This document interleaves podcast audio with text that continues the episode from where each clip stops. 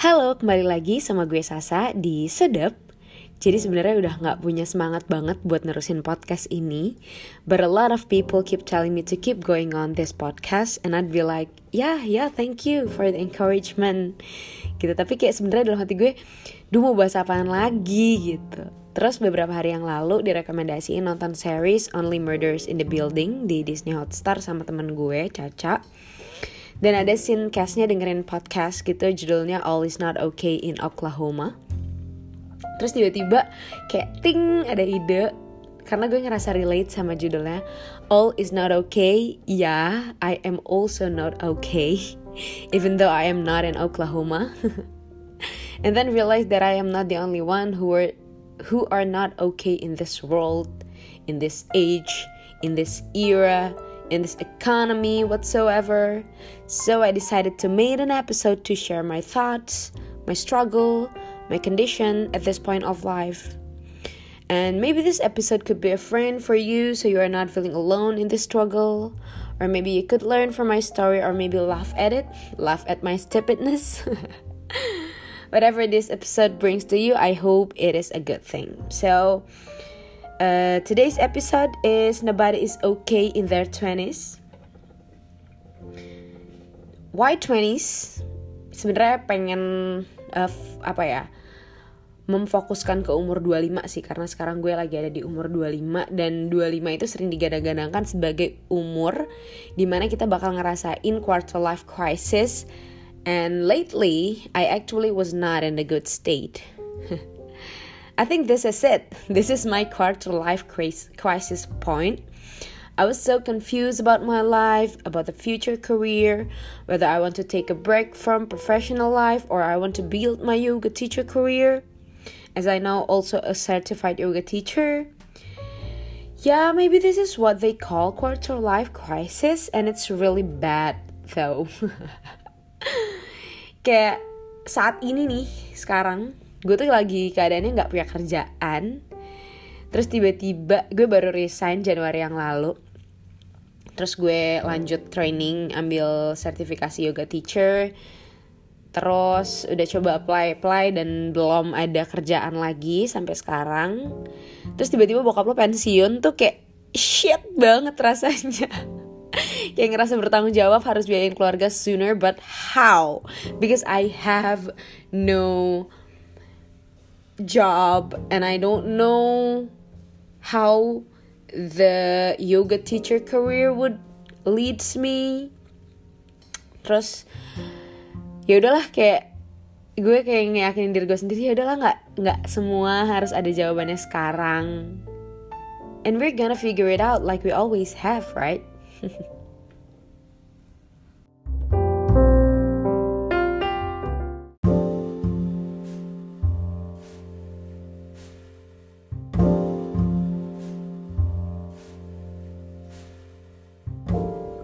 And yeah, I also gain an unhealthy behavior by comparing my life to others and get envious of other people's life that I only seen on the screen or social media. Yeah, it is so unhealthy of me that I decided to uninstall all the social media apps so that I cannot spend so much time in it. I'm so fucked at the mind to the point all I wanna do is cry and hope things get better by itself. feel like I have no energy to putting on any effort. Not really depressed, but not really okay though. A very confusing time. ya mungkin yang lagi ngerasain atau udah pernah ngerasain what so called quarter life crisis juga paham ya gimana kacaunya pikiran kita nih banyaknya banyak kayak pikiran yang ada di dalam otak kita tuh kayak banyak kekhawatiran, banyak cabang-cabang pikiran di kepala. And it feels like really hard to stay in the present moment. okay, enough with the curhat session of myself. Kita coba bahas yang agak serius dan ilmiah deh tentang quarter life crisis ini. Biar podcastnya nggak cuma curhatan gue doang, tapi jadi ada isinya gitu. Jadi gue baca artikel dari Forbes.com judulnya Managing a Quarter Life Crisis in the Midst of Crisis. Jadi tahun ini 2022 kita sudah memasuki tahun ketiga pandemi COVID-19. So yes, we are in the middle of some crisis. And then this article ditulis oleh Tess Brigham, seorang psychotherapist dan coach. Beliau menulis a quarter life crisis comes about when you're faced with the reality that your life it's not what you thought it was going to be. It's an emotional crisis of identity and self confidence. You're faced with the feeling that maybe you're not being true to who you are, but you are not quite sure who you're supposed to be either. Jadi dia bilang quarter life crisis ini terjadi karena kita dihadapkan eh ketika kita dihadapkan pada kenyataan bahwa hidup kita tidak seperti apa yang kita pikirkan. Mungkin kita dulu udah punya bayangan tentang hidup kita ini bakal seperti apa di umur 25. Kayak kita udah figure it out semua hal di umur 25 mungkin udah mungkin dulu mikirnya kayak 25 gue udah nikah 25 gue udah kerja ini itu Tetot, no, welcome to the reality bro Kayak 25 gue gak punya kerjaan Gue jomblo, gue Fuck Oh my god, sorry for the curse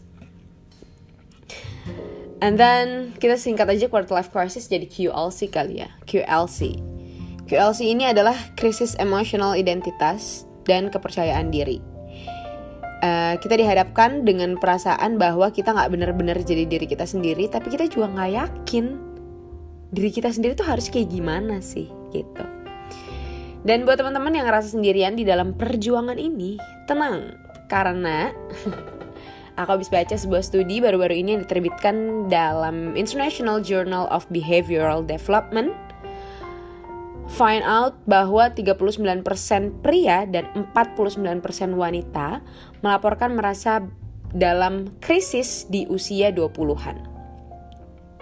Gejala ini gejala yang terasa umumnya pada orang-orang itu adalah rasa kepalsuan yang mengganggu atau nagging sense of falsity, dan perasaan bahwa seseorang tuh masih anak-anak gitu loh. Kayak gue udah anak-anak nih tapi gue kok udah dewasa gitu. Jadi kayak bingung ya kan?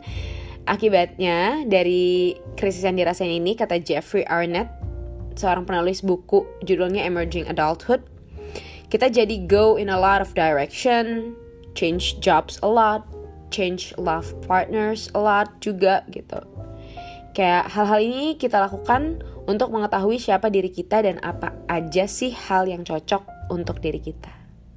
This is so me. kayak I change job a lot gitu. Gue udah tiga tahun kerja, eh kayak gue udah tiga tahun lulus dari no, eh ya tiga tahun kerja di dunia profesional dan gue udah tiga kali pindah kantor gitu kayak wow change jobs a lot and sekarang gue tiba-tiba jadi yoga teacher gitu So how do we deal with the situation kayak kalau misalkan kita lagi ngerasain krisis gimana nih ya? Gimana cara kita deal with the situation? Nah, berdasarkan paper yang berjudul Psychology of Lost ditulis oleh seorang psikolog namanya Kenneth Hills, ada five effective steps to figure out your life path and stop floundering. Yang pertama, detach from your default direction. Kadang kita tuh udah bikin jalan hidup kita sendiri bahkan sebelum kita menjalaninya. Let's say we're making a plan or our parents made a plan for us. But sometimes plans doesn't work out right. Dan daripada mengakui bahwa kita lagi stuck, kita lagi bingung saat ini, kita lebih memilih untuk ikutin jalan jalannya aja atau plan yang udah kita buat walaupun tuh susah banget dan berdarah-darah dan walaupun tuh kayak kita tahu this is that this is will not work out tapi kayak ya udahlah gitu Padahal kalau udah nggak work out, it is okay buat detach yourself from that directions. Nggak semua harus tercapai di umur 20-an. Or maybe we talk like 25 gitu. Kayak nggak semua harus tercapai di umur 25.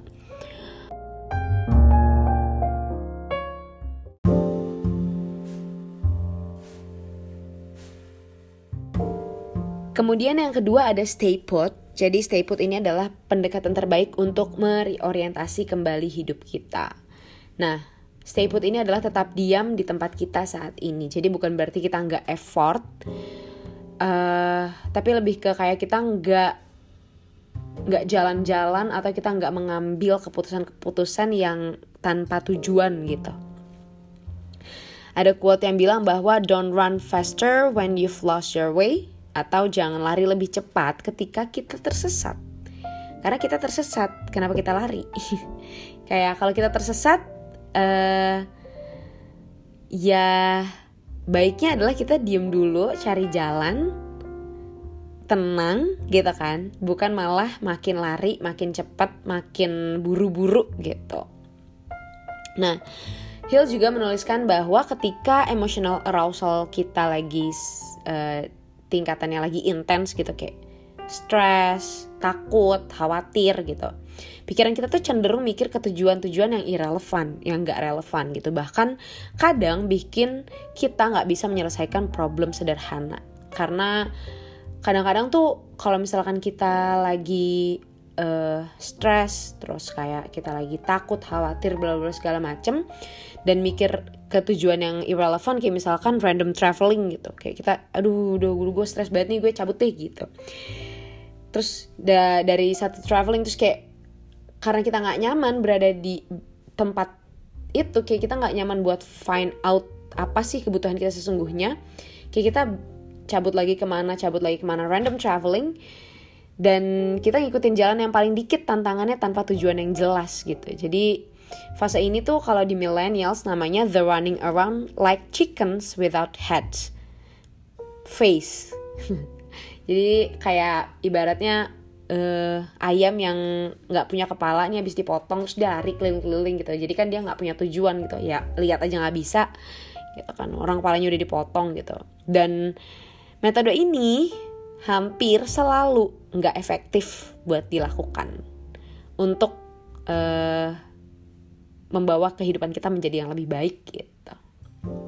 Nah, kemudian yang ketiga ada find your landmarks.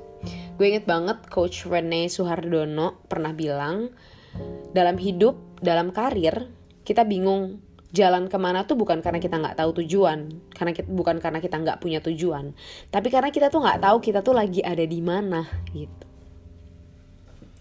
Nah dengan landmark ini harapannya kita tahu kita ada di mana, kita tuh punya petunjuk, kita tuh uh, bakal ke mana, lagi di mana, terus kayak uh, akan berbuat apa gitu kan. Penting banget buat find our own landmark supaya kita nggak ikut-ikutan orang lain. Karena petunjuk hidup atau landmark ini tiap orang beda-beda.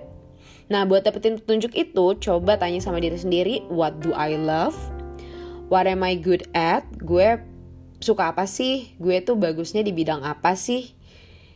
Dan what the world needs atau misalkan bisa juga tanya uh, apa manfaat yang bisa gue kasih ke sekitar gitu. Kemudian yang keempat ada create an action plan. Udah jelas ya bahwa supaya hal-hal di atas nggak cuma jadi wacana doang, tentu harus ada aksinya dong. Jadi perlu kita buat action plan versi diri kita sendiri saat ini. Bukan versi kita tahun lalu atau mungkin saat kuliah gitu. This is our first this is our first time on being 20 something. So, you don't have to be perfect. Okay? And then the last but not least, stop making excuses. Jadi ya udahlah nggak usah banyak alasan, lakuin aja apa yang udah disusun, and everything will fall into place. Gitu. Jadi dari tahap pertama sampai tahap kelima dan gongnya adalah di, di yang kelima jangan jangan banyak alasan langsung kerjain aja gitu. Sama satu hal lagi mungkin step ke-6 deng sorry tadi udah bilang last but not least tapi tiba-tiba ada tambahan karena baru kepikiran. Ya kalau misalkan kayak kita seorang muslim misalnya yang dengerin muslim gitu. Kayak mungkin kita bisa benerin sholat kita terus juga jalanin sunah-sunah yang gak memberatkan kita gitu. Kayak Allah tuh bilang take one step closer to me and I will ten step closer to you. Cry banget gak sih? Kayak oh my god so romantic. Also salah satu quote yang gue suka banget dan bikin tenang kalau bacanya nih di masa-masa seperti ini sekarang. You're gonna figure it out like you always have. Jadi tenang aja, usaha, and keep on believing. Yay! Oke, okay, itu itu aja sih paling episode kali ini. Niatnya bakal jadi semacam mini episode, tapi ternyata cukup panjang ya. Oke, okay? terima kasih teman-teman yang udah dengerin. Semoga bisa menjadi teman di saat pikiran carut-marut menghadapi krisis pertengahan hidup ini. Ya mungkin eh, nggak uh, ngerasa sendirian banget ya karena ya udah aku juga lagi di masa itu lagi pengen meledak aja rasanya kayak kayak gue setiap hari ngechat temen-temen gue kayak jir gue nggak kerja gue butuh duit gitu. Tapi kayak gue nggak tahu nih gue harus kerja apa dan kayak nggak mau kerja yang cuman kayak asal kerja tapi gue nggak happy gue nggak berkembang gitu. Jadi banyak mau sebenarnya gitu. Uh, oke. okay. Thank you very much for listening. I'll see you guys on the next episode hopefully. Ciao